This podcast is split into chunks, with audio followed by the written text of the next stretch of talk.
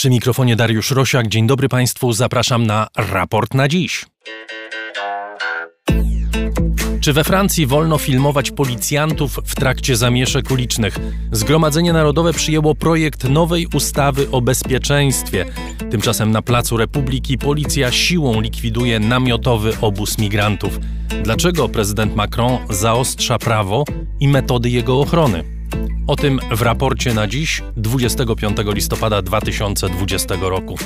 Przypominam Państwu, że raport na dziś to środowa odmiana raportu o stanie świata, programu finansowanego przez słuchaczy, którzy w ten sposób stają się naszymi patronami i sponsorami, a przede wszystkim dają nam siłę do pracy i przekonanie, że to, co robimy, ma sens. Z serca wszystkim Państwu dziękuję. Jeśli ktoś chciałby przyłączyć się do zbiórki, zapraszam do serwisu patronite.pl. Za jego pośrednictwem najłatwiej nas wesprzeć. Proszę nas słuchać na stronie www.raportostanieświata.pl. Mają Państwo różne platformy podcastowe do wyboru. Proszę do nas pisać na adres raportrosiaka.gmail.com. Nadajemy ze znakomitego studia Efektura w Warszawie, które jest dziś domem raportu o stanie świata. Agata Kasprolewicz i Chris Wawrzak na stanowisku. Ale on commence. Moim gościem jest dziś Łukasz Maślanka, analityk Polskiego Instytutu Spraw Międzynarodowych. Dzień dobry. Dzień dobry. Zacznijmy od tych e, dramatycznych scen wczoraj na Placu Republiki. Policja niekiedy w, widać było w brutalny sposób e, zlikwidowała nielegalny obóz namiotowy, w którym mieszkali e, migranci. Wcześniej, pod koniec lipca, podobna akcja miała miejsce na przedmieściach Paryża. Wtedy to było 2000 ludzi, teraz około 450, ale te obrazy wczorajsze również poruszyły bardzo silnie opinią publiczną we Francji. To się odbyło w dniu, w którym w Zgromadzeniu Narodowym przyjęty został projekt ustawy o bezpieczeństwie, o którym za chwilę szerzej porozmawiamy. Czy widzi pan przede wszystkim związek obu tych wydarzeń? E, tak, jest to związek taki dość niekorzystny dla e, Macrona i jego ekipy i dla, dla władzy, ponieważ likwidacja tego obozowiska migrantów odbywała się w ramach realizowania przepisów e, sanitarnych. To znaczy, władze chciały zapobiec, by w czasie pandemii, w czasie lockdownu, który we Francji wciąż trwa, bezdomni czy to migranci, czy to bezdomni Francuzi, e, przebywali e, w takich warunkach. Tak? Władza starała się zapewnić jakieś miejsca zastępcze, najczęściej wykorzystując do tego hotele, wspierając też w ten sposób przemysł e, turystyczny który nie może pracować w ramach lockdownu, natomiast tutaj doszło po prostu do dość brutalnej pacyfikacji obozowiska migrantów. E, takich obozowisk na terenie Francji jest niestety obecnie dość dużo. One przede wszystkim e, powstają na pograniczach e, wielkich miast, ale także, tak jak w przypadku tego samym centrum, jest to też taki symbol tego, że no, państwo nie do końca sobie radzi z tą presją migracyjną która się odbywa. To są też czasami obozowiska Romów, ale przede wszystkim głównie migrantów przybyłych z, mm, z Magrebu, z krajów Afryki Północnej. E, I e, policja wykazała się tutaj dość dużą brutalnością i e, te akcje zostały nagrane. Te działania zostały nagrane, a właśnie jeden z przepisów prawa o bezpieczeństwie powszechnym, tak można przetłumaczyć, czy globalnym. To nie, po, po polsku niedobrze brzmi, chodzi o bezpieczeństwo powszechne. E, jeden z przepisów tego prawa bardzo ogranicza możliwość nagrywania e, działań policjantów. E, tutaj w grę wchodzi przede wszystkim ukrycie ich tożsamości po to, żeby im zapewnić bezpieczeństwo. I to jakby to, ta pacyfikacja tego obozowiska migrantów no, tworzy takie nieprzyjemne tło do uchwalania tej ustawy, która rzeczywiście spotkała się z bardzo wielkimi kontrowersjami e, wśród e, dziennikarzy, wśród e, osób mających mm, wpływ na opinię publiczną, ale z drugiej strony, trzeba też o tym powiedzieć, ma szerokie poparcie wśród społeczeństwa. Macron by tego nie robił, gdyby nie wiedział, że tego typu działania podobają się znaczącej części wyborców. Właśnie, może powiedzmy w jakim kontekście to się odbywa. To znaczy, to nie jest tak, że Macron zapewne za chwilę będziemy mówić o politycznych aspektach tego i o tym, że ma ciśnienie ze strony Frontu Narodowego czy Zgromadzenia, prawda? To sobie zostawmy za, na, do analizy za chwilę. Ale to się odbywa w kontekście październikowych e, ataków terrorystycznych i takiego poczucia we Francji, które chyba nie jest mitem ani nie jest wymysłem Macrona, które świadczy o niepokoju Francuzów w związku z aktami terroryzmu, które trwają w tym kraju od 15, 16, a może nawet wcześniej roku. Francja styka się z terroryzmem w zasadzie od początku XX wieku. Ten terroryzm przybierał po prostu bardzo różne postaci. Inne miał w latach 60., kiedy mieliśmy na przykład nacjonalizm arabski, inny w latach 70., kiedy szczególnie aktywna była skrajna lewica, skrajna prawica, która również uciekała się do tego typu aktów przemocy, a e, inny nabrał od początku lat 90., kiedy rzeczywiście pod hasłami islamistycznymi również dochodzi do mm, aktów przemocy. Z pewną taką przerwą mieliśmy do czynienia w czasach e, jakby tak, kiedy ta tematyka walki z islamizmem, terroryzmem była najbardziej na topie, to znaczy po zamachach na 11 września. Wtedy Francja przez bardzo długi okres czasu była oszczędzana przez zamachy e, nieoficjalnie mówiono, że jest to spowodowane specjalnymi relacjami, mm, jakie utrzymywała wtedy pod rządami Jacques'a Chiraca e, z państwami arabskimi, rozmaitymi wpływowymi ludźmi w świecie arabskim, ale ten jakby y, rozejm skończył się około 2012 roku i od tamtego czasu dochodzi rzeczywiście na terenie Francji do regularnych y, tego typu zamachów. No i oczywiście na to reaguje społeczeństwo. Społeczeństwo jest coraz bardziej przejęte takimi kwestiami bezpieczeństwa. Na to też ma wpływ oprawa medialna. Wiadomo, że y, współczesne media masowe mają tendencję do, może nie chodzi o wyolbrzymianie, ale pokazywania, e, wyostrzania pewnych zagrożeń i to, to też ma wpływ na zachowanie społeczeństwa. Y, według e, badań, które ukazały się wiosną tego roku, społeczeństwo francuskie jest obecnie najbardziej prawicowo nastawione w całej swojej historii. W takiej dziesięciostopniowej skali, gdzie 10 to jest skrajna prawica, 1 to jest skrajna skrajna lewica, społeczeństwo francuskie przeciętnie lokuje się na 6,7, czyli to jest dość mocne wychylenie w prawo, bo przecież raczej Francuzi nie kojarzą się się spe specjalnie z... To znaczy, jeżeli, jeżeli za stronę prawą uznamy tę stronę, 10, która, 10. która, ale też Aha. w sensie, że tak powiem, merytorycznym, taką stronę, która dąży do zachowania porządku wszelkimi dostępnymi, zgodnymi z prawem, Albo metodami. wychodzącymi poza to prawo. No właśnie, no, no właśnie tutaj o tym porozmawiamy, bo to jest czas ofensywy legislacyjnej Macrona. To nie jest tylko ta jedna ustawa, za chwilę o tym, ale największe kontrowersje rzeczywiście budził projekt ustawy o bezpieczeństwie, przyjęty wczoraj, dodajmy, e, przez e, niższą izbę parlamentu. Teraz Senat e, się wypowie. Ta sankcja, o której y, pan y, wspominał, czyli artykuł 24 ustawy, on zakazuje rozpowszechniania obrazów funkcjonariuszy, wizerunków funkcjonariuszy, które mogłyby umożliwić ich identyfikację. I to jest zagrożone no, poważną sankcją prawną, bo rok więzienia 45 tysięcy euro kary. To jest potężna y, kara za coś, co wydawało się, przynajmniej jeśli chodzi o działania dziennikarskie, normą do niedawna. Dlaczego z punktu widzenia władz, i to władz, które mówią językiem Macrona, że kwestia swobody wypowiedzi, wolność słowa, wolność ekspresji to jest podstawowa zasada republikańska, dlaczego nagle Macron próbuje ją ograniczyć? Trzeba pamiętać o tym, że policjanci również są siłą społeczną. E, oni również głosują i oni również są reprezentowani przez związki zawodowe. Oni też strajkują. E, w związku z tym e, władza nie może też lekceważyć głosu środowisk policyjnych. Poprzedni minister spraw wewnętrznych, który pełnił tę funkcję do lipca tego roku, odszedł właśnie dlatego, że nie cieszył się poparciem wśród środowisk policyjnych. To znaczy uważano, że nie potrafi się z nimi dogadać, nie potrafi spełnić ich postulatów. Otóż wśród tych postulatów było to by rząd zapewnił bezpieczeństwo y, policji, bo rzeczywiście bardzo często zdarza się, że wizerunki policjantów są publikowane w internecie przez osoby, które wzywają do przemocy. I niestety do takich aktów przemocy dochodziło.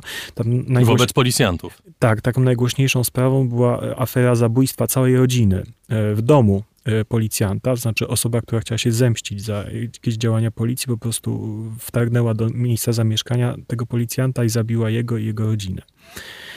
E, także to nie jest tak, że e, ta strona policyjna nie ma żadnych argumentów. Rzeczywiście jest problem dużej przemocy wobec policji we Francji, ale jest też problem przemocy policyjnej. I problem polega na tym, że obie strony tego sporu nie przyjmują do wiadomości e, tego, że same nie widzą właśnie swoich niedoskonałości. Argumentów drugiej strony. Policjanci no, nie widzą. Dosyć e, powszechne obecnie w życiu publicznym, nie tylko Francji. Tak jest. Policjanci bardzo bronią się przed wszelkimi zarzutami nadużywanie władzy ze strony policji, chociaż powszechnie wiadomo, że we Francji policja potrafi wykazać się dużą brutalnością. A z drugiej strony e, osoby, które stawiają przede wszystkim na wolność słowa i wolność wypowiedzi, wolność przekazywania informacji, e, no nie, nie są wystarczająco uwrażliwione na kwestie bezpieczeństwa e, funkcjonariuszy. Tutaj też e, chciałbym wspomnieć o takiej sprawie, że za czasów François Hollande'a wprowadzono nakaz umieszczania numerów funkcjonariuszy w widocznym miejscu ich umundurowania. Czyli nawet jeżeli nie pokazywana jest twarz, to na podstawie tego numeru można zidentyfikować funkcjonariusza, jeżeli są wobec niego formułowane jakieś pretensje. To chodziło o to, żeby w razie czego osoby biorące udział w zamieszkach wiedziały, z kim mają do czynienia? Tak, to znaczy niekoniecznie w czasie tych manifestacji, tylko jeżeli rzeczywiście dojdzie do popełnienia przestępstwa przez funkcjonariusza w czasie służby, żeby można było go zidentyfikować i pociągnąć do odpowiedzialności. Także yy, yy, racje są tutaj podzielone. Z jednej strony dziennikarze muszą bronić swojego prawa do informacji, bo to jest y, podstawa demokracji i tutaj te protesty w zasadzie mnie nie, w ogóle mnie nie dziwią, ale z drugiej strony są też te argumenty podnoszone przez funkcjonariuszy, którzy coraz bardziej boją się o swoje bezpieczeństwo. E, no i też y, jest ten argument, że są inne sposoby ich identyfikowania. Porozmawiajmy o innych projektach ustaw, bo są właściwie trzy takie sfery, które budzą y, spore wątpliwości y, wśród komentatorów nie tylko francuskich. Druga po tej kwestii dotyczącej bezpieczeństwa to jest y, sprawa dotycząca budżetu na badania naukowe na uniwersytetach. I tu mamy też element policyjny, jeśli tak można powiedzieć, bo w tej ustawie znajduje się zakaz organizowania zgromadzeń na terenie kampusów, zgromadzeń, które zagrażałyby spokojowi i porządkowi instytucji. I dodajmy jeszcze, że wygląda na to, że w ostatniej chwili przepadł pomysł, by w tym projekcie ustawy zna, znalazł się zapis wymagający, by badania naukowe były zgodne z wartościami Republiki, co już staje się lekko kosmiczne, jeśli pomyślimy o demokratycznym państwie prawa, jakim jest e, Francja. Powtarzam, to są mocne, zaskakujące propozycje wypływające od prezydenta, dla którego wartości republikańskie, z których wolność słowa jest podstawową, wydawały się najważniejsze. Tak, to jest kilka różnych spraw. E, jeżeli chodzi o zgromadzenia na terenie kampusów, e, trzeba pamiętać o tym, że ruch e, protestu we Francji był zawsze silnie stymulowany przez środowiska studenckie i akademickie. No, no słynne protesty 68 roku, notoryczne strajki studentów, strajki kadry ja tu nie oceniam, nie oceniam tego ani negatywnie, ani pozytywnie. W każdym razie są one ważnym elementem życia społecznego we Francji. I e, jeżeli rząd chce ograniczać wolność e, protestu, także na terenie kampusu poprzez okupację kampusów, to, to jest, e, że tak powiem, dość silne wtargnięcie w to, co dotychczas było pewną tradycją polityczną we Francji i siłą rzeczy musi zbudzić protesty środowiska akademickiego, ale z drugiej strony podoba się sporej części społeczeństwa, która jest zmęczona, na przykład tym, że we Francji ciągle są jakieś strajki i że ciągle coś nie funkcjonuje przez to, że e, ludzie protestują i e, walczą w ten sposób o swoje prawa. Czyli znowu tutaj e, mamy do czynienia z, z pewną milczącą, może już nawet większością, która chce ograniczenia tej swobody, a z drugiej strony mamy mm, obywatelsko nastawioną, ale jednak chyba już mniejszość, która broni tutaj swoich praw.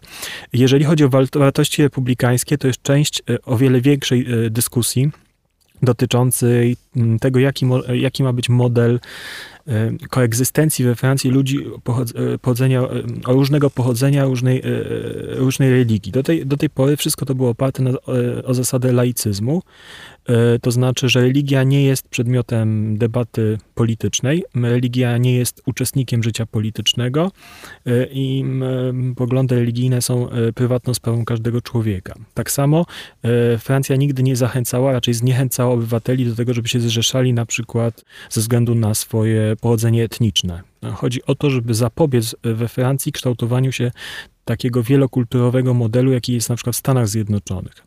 Bo to wynika z tego, że Stany Zjednoczone mają zupełnie inną historię. One kształtowały się jako naród polityczny, zlepek różnych wspólnot religijnych, etnicznych. Natomiast Francja jednak jest państwem narodowym, społeczeństwem zdominowanym przez Francuzów, którzy reprezentują pewną kulturę i oczywiście mm, od dziesiątek lat napływają tam osoby innego pochodzenia, ale oczekuje się od nich, że będą się integrowały z tymi wartościami, które są we Francji dominujące. Więc tutaj jest bardzo duża debata ideologiczna. E, część lewicy, zwłaszcza na przykład skupionych wokół zielonych, uważają, że to jest cenzura, że e, mówienie o wartościach republikańskich no to jest ograniczenie debaty publicznej. E, część katolików francuskich, mm, niewielka, ale też uważa, że to jest na przykład walka z religią. Spora część muzułmanów też tak sądzi, ale jednak większość społeczeństwa uważa, że wartości republikańskie to jest po prostu ta neutralność światopoglądowa państwa, która sprawia, że ludzie różnego pochodzenia, różnej religii, różnych doświadczeniach życiowych mogą współistnieć w ramach jednej wspólnoty demokratycznej. Państwo nie wnika w inne tożsamości ludzi poza tożsamością obywatela Francji, tak. prawda? To znaczy, jeżeli jesteś obywatelem Francji, to możesz być sobie kim chcesz, mhm. ale musisz się podporządkować wartościom republikańskim. Co mnie prowadzi do trzeciego projektu ustawy, być może najważniejszego e, z tych trzech i który będzie rozważany w parlamencie na początku grudnia. Natomiast prezydent Macron mówił y, na ten temat, opisywał kształt tej ustawy już od kilku miesięcy. Mówimy o ustawie, znowu w takim tłumaczeniu najbliższym y, nam dostępnym, ustawie wzmacniającej zasady republikańskie.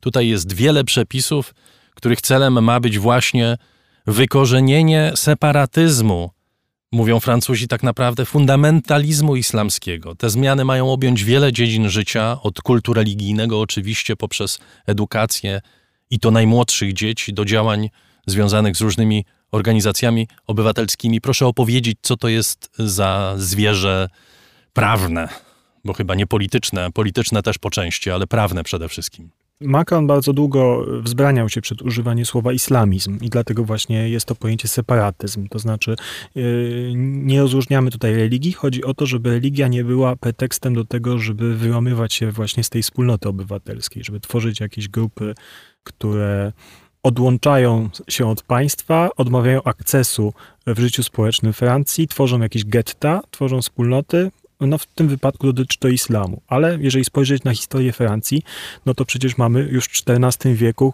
e, likwidację zakonu templariuszy, prawda? Bo też byli swego rodzaju separatystami na terenie Królestwa Francji i w bardzo brutalny Tylko sposób... to było jeszcze przed rewolucją francuską. Tak, zostali zdławieni. Potem mamy wojny religijne i również mamy tworzenie się separatyzmu ultrakatolickiego i protestanckiego.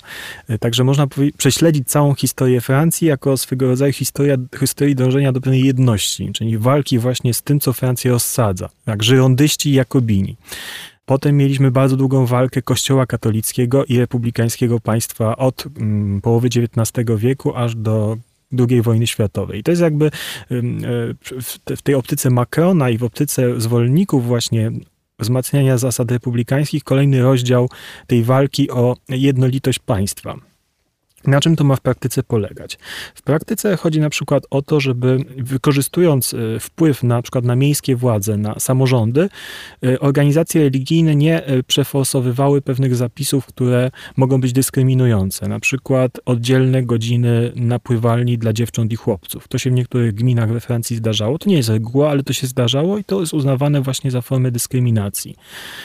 Inna kwestia, na przykład w transporcie miejskim, zwracanie kobietom uwagę na to, że mają nosić nakrycie głowy. To też się zdarzało i to też nie jest reguła, ale to też się zdarzało. W związku z tym państwo chce wzmocnić swój wpływ na e, funkcjonariuszy samorządowych i różne na przykład firmy prywatne, które wykonują zadania na zlecenie samorządu, żeby stosowały się do tej zasady neutralności. To jest też chyba próba taka bardzo mocna poradzenia sobie z tym, co niektórzy identyfikują jako główny problem społeczny w tej chwili e, Francji, to znaczy e, system edukacyjny system edukacyjny, z którego niektóre dzieci wychodzą, stając się y, wychowankami szkół religijnych. W tej chwili około 50 tysięcy dzieci uczy się w, w, takim trybie indywidualnym i ocenia się, że tylko połowa z nich robi to ze względów zdrowotnych. To znaczy druga połowa po prostu wycieka z systemu edukacji, dlatego że nie jest on zgodny, y, system edukacji publicznej nie jest zgodny z przekonaniami rodziców. Jest to pretekst rzeczywiście do tego, żeby oddawać dzieci na edukację y, na przykład imamów, y, często ludzi, którzy nie wiadomo skąd przyszli, dlaczego oni roszczą sobie prawo do, to, żeby, do tego, żeby uczyć dzieci. Tu też jest ważny kontekst szczególnie edukacji dziewczynek. To znaczy, tak jak stwierdzono w krajach trzeciego świata, że kluczem do zmiany społecznej i rozwoju jest edukacja dziewczynek, ponieważ ona powoduje opóźnienie wstąpienia w związek małżeński, opóźnienie posiadania dzieci i to pozwala po prostu kobiecie funkcjonować normalnie w społeczeństwie. Tak samo obserwuje się w tych niektórych dzielnicach zamieszkałych przez muzułmańskich imigrantów, że jest tendencja do bardzo takiego wczesnego zamykania kobiet w domu, angażowania je w takie funkcje rodzicielskie i to po prostu sprzyja tym separatyzmom. W związku z tym chodzi przede wszystkim też o to, żeby dziewczynki nie, e, nie wyciekały, nie, nie uciekały na, zgodą, za zgodą swoich rodziców systemu edukacyjnego, bo to przede wszystkim chodzi o dziewczynki właśnie, że chłopcy chodzą do szkoły muzułmańscy, natomiast dziewczynki bardzo często przestają chodzić do szkoły nie wiadomo za bardzo dlaczego. Kolejna kwestia to są języki, nauka języków i kultury krajów pochodzenia która też czasami była pretekstem do tego, żeby przemycać treści islamistyczne, dlatego że y, te przedmioty były za pieniądze francuskiego podatnika nauczane przez nauczycieli na przykład pochodzących z krajów Magrebu czy z Turcji. Inna jeszcze kwestia też zawarta w tej ustawie o separatyzmie to jest rezygnacja z usług imamów pochodzących z zagranicy.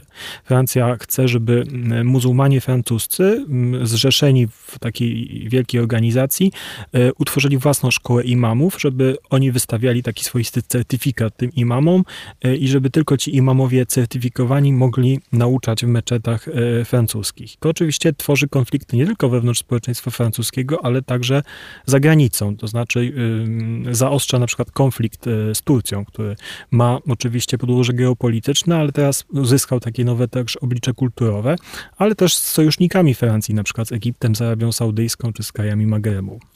Przeciwnicy polityczni Macrona i nie tylko polityczni, również kulturowi, próbują zredukować te jego działania do e, takich intencji czysto politycznych. To znaczy, Macron czuje, że zbliżają się wybory, wie, jakim zagrożeniem jest e, partia, która do niedawna nazywała się Front Narodowy, teraz się nazywa Zgromadzenie, i próbuje uciec do przodu, próbuje zabrać elektorat ewentualnie Marine Le Pen.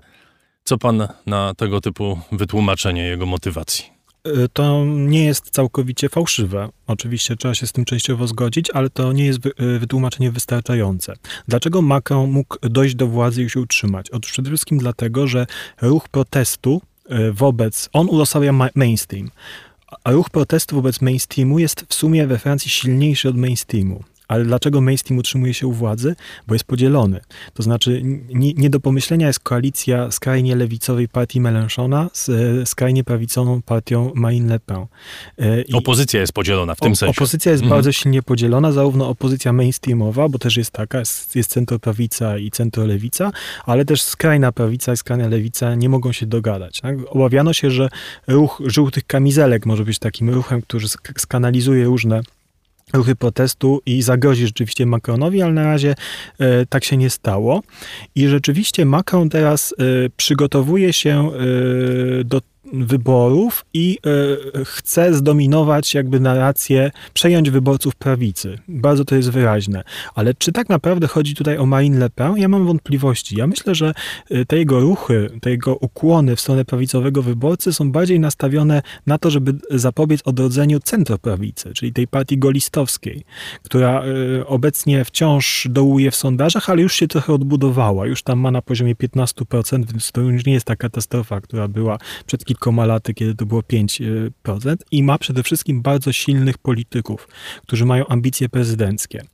To znaczy, jakkolwiek byśmy na to nie patrzyli, w obecnej Francji nie wydaje się prawdopodobne, podkreślam, nie wydaje się, bo w obecnej polityce wszystko jest możliwe, nie wydaje się prawdopodobne, żeby w drugiej rundzie jakikolwiek polityk z mainstreamu przegrał z Marine Le Pen. Tak, to jest raczej niemożliwe, ponieważ ostatnio był taki bardzo ciekawy artykuł, zdaje się w Le Figaro, w którym porównywano elektoraty Trumpa i Marine Le Pen.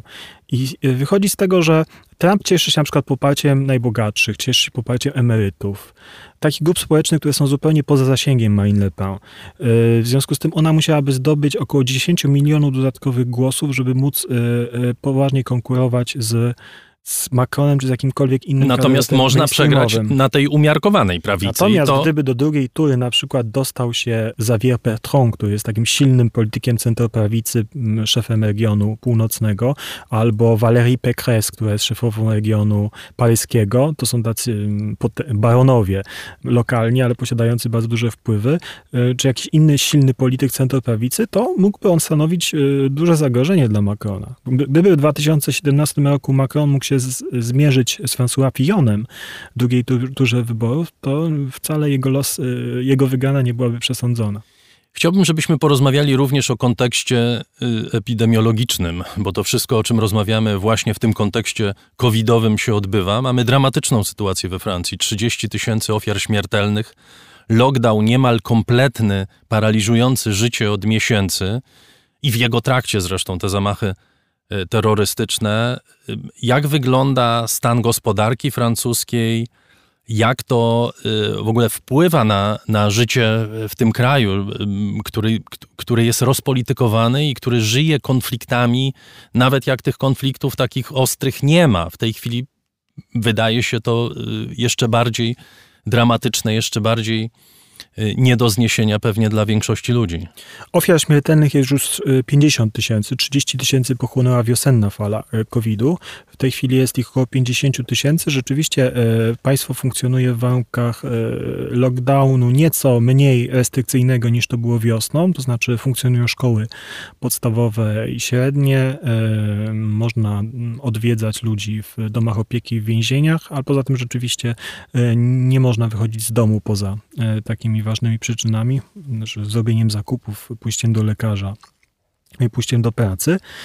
Gospodarka jest oczywiście w ciężkiej sytuacji, ale pomaga jej to, że Francja jest w Unii Europejskiej, jest członkiem strefy euro i wszystkie te kroki, które zostały podjęte na rzecz poluzowania progów zadłużania się pomagają Francji, ponieważ wciąż na szczęście w całym świecie zachodnim wszystkie państwa zachodnie mogą się nadal tanio zadłużać. I to jest to, to, jest to co nas wszystkich ratuje i także ratuje Francję. I Francja zamierza po prostu z tego korzystać, e, zaciągać długi po to, żeby inwestować pieniądze w odbudowę gospodarki, a na razie, dopóki kryzys sanitarny wciąż trwa, we wspomaganie tych kluczowych dla siebie branż. Francja zaproponowała swoim obywatelom chyba najhojniejsze w, całym, w całej Unii Europejskiej postojowe, to znaczy w zasadzie rekompensuje całą pensję e, wszystkim pracownikom, którzy nie mogą wykonywać swoich obowiązków z powodu pandemii. Bardzo szeroki program wsparcia dla firm. Także gospodarka jest oczywiście częściowo zamrożona, chociaż w mniejszym stopniu. W tej chwili funkcjonuje tak mniej więcej na poziomie 60-70%, podczas gdy w czasie pierwszego lockdownu to było tak 30% ale y, nie nastąpiło taki masowy, mm, masowa likwidacja miejsc pracy, która byłaby groźna dla francuskiej gospodarki, bo jest ona oparta o przemysł, czyli pewne takie miejsca pracy, których stworzenie wymaga czasu, wymaga doświadczonej kadry i po prostu podstawową troską e, rządu francuskiego było niedopuszczenie do tego, żeby te zespoły, doświadczone zespoły pracowników, które produkują dużą wartość dodaną e, dla francuskiej gospodarki, się rozpieszły. A jak jest oceniana społecznie reakcja rządu na COVID? Tej chwili e, ona jest oceniana negatywnie, ale nie jest to jakaś miażdżąca krytyka. To znaczy, rząd robi ogólnie rzecz biorąc to, co może. E, Francja chyba najszybciej ze wszystkich krajów unijnych przedstawiła kompleksowy pakiet pomocy gospodarczej. Następnie cały program odbudowy i też transformacji połączonej z transformacją ekologiczną gospodarki. Podjęła e, wysiłek kolejnego lockdownu. Coraz częściej mówi się, że lockdown to jest przywilej krajów bogatych, bo to po prostu bardzo dużo kosztuje. W związku z tym e, oczywiście cały czas wybuchają jakieś rozmaite awantury, że rząd źle informuje, że rząd tutaj nie potrafi na przykład o maseczki. Tak? Bardzo długo rząd francuski stwierdził, że, twierdził, że maseczki nie mają żadnego znaczenia. Chodziło po prostu o to, że tych maseczek brakowało dla personelu medycznego, w związku z tym nie zalecano obywatelom noszenie maseczek, bo nie mieli ich wszystkim lekarze. W tej chwili zmienił także pod wpływem WHO, swoją narrację na ten temat. Także rząd jest oczywiście bardzo krytykowany, ale krytyka rządu to jest norma we Francji. To nie jest coś, co co byłoby dla niego miażdżące. Macron cieszy się znacznie większym poparciem niż e, François Hollande i Nicolas Sarkozy w analogicznym okresie swojej prezydentury i wydaje się, że może z pewnym optymizmem patrzeć w przyszłość. Tym, na kim odbija się przede wszystkim krytyka, jest premier Jean Castex i jego rząd. Ale e, w tym systemie Piątej Republiki rząd i premierzy, e, rządy i premierzy to są takie właśnie zderzaki prezydenta, który odpowiada za całą politykę, ale jest jakby ponad nią. Wspomniał Pan o Unii Europejskiej. Ja na koniec chciałem spytać o coś, co może zainteresuje również polskich e, słuchaczy, bo Unia Europejska już zaczęła kwestionować kształt prawa, zwłaszcza prawa związanego z bezpieczeństwem. To znaczy z Komisji Europejskiej poszły takie sygnały, że będzie się bardzo blisko przyglądać y, temu, jak to prawo będzie y, wyglądało. Czy widzi pan taką możliwość, że rozpęta się konflikt pomiędzy Unią Europejską a Macronem w sprawie poszanowania przez Francję praworządności w Unii Europejskiej?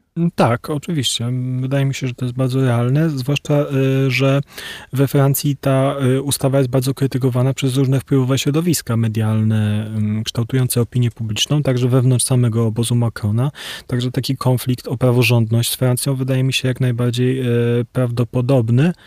Mamy też orzecznictwo Europejskiego Trybunału Praw Człowieka, czyli organu Rady Europy, ale którego orzeczenia są wiążące dla państw członkowskich, które bardzo mocno ograniczają ograniczanie swobody pracy dziennikarzom. W związku z tutaj Francja może się liczyć z dużymi problemami, które powodują, że na część, wśród części prawicy, centroprawicy opozycyjnej wobec Macrona pojawiają się wprost propozycje, żeby wyjść, żeby złożyć zastrzeżenia na przykład do Konwencji Ochrony Praw Człowieka, i do pewnych zapisów karty praw podstawowej, które umożliwiałyby Francji skuteczniejszą walkę z terroryzmem, że Francja jest w innej sytuacji niż inne kraje członkowskie i w związku z tym musi mieć możliwość e, jakby szerszego działania. No myślę, że to może się spotkać z dość, e, e, z dość dużą krytyką.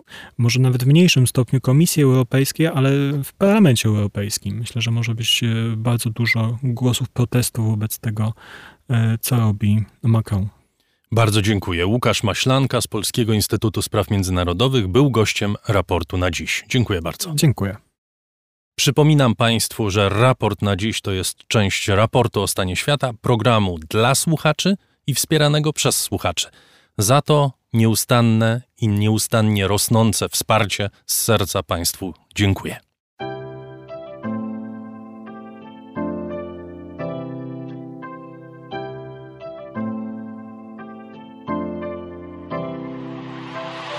Raport o stanie świata od marca rozwija się dzięki Państwa zaangażowaniu i szczodrości. To dzięki Wam możemy opowiadać o świecie przy pomocy dźwięków. Dzięki Wam ten program jest przygotowywany w profesjonalny sposób z zachowaniem najwyższej jakości, bo na nią właśnie zasługują słuchacze raportu o stanie świata. Z serca dziękuję wszystkim Państwu za wpłaty. Wasza hojność jest dla mnie ogromnym zobowiązaniem. Zbiórka na patronite.pl ciągle trwa, zachęcam do udziału. Najhojniejsi patroni raportu o stanie świata to firma Prosper z Sosnowca, hurtownia elektroenergetyczna i właściciel marki Czystuś. Firma Venterm, instalacje fotowoltaiczne z Dąbrowy koło Niepołomic. Krzysztof Goszkowski, Catering dietetyczny Lightbox, oferujący dietę pudełkową z wyborem potraw z różnych kuchni świata. Michał Małkiewicz. Firma Software Mill. Od zawsze zdalni programują dla całego świata. Dom wydawniczy Muza, bo świat nie jest nam obojętny. Uber. Myślimy globalnie, działamy lokalnie. A także firma Ampio Smart Home. BIMV.pl. Kursy online dla inżynierów. Mariusz Drużyński. Palarnia kawy La Cafo z Augustowa.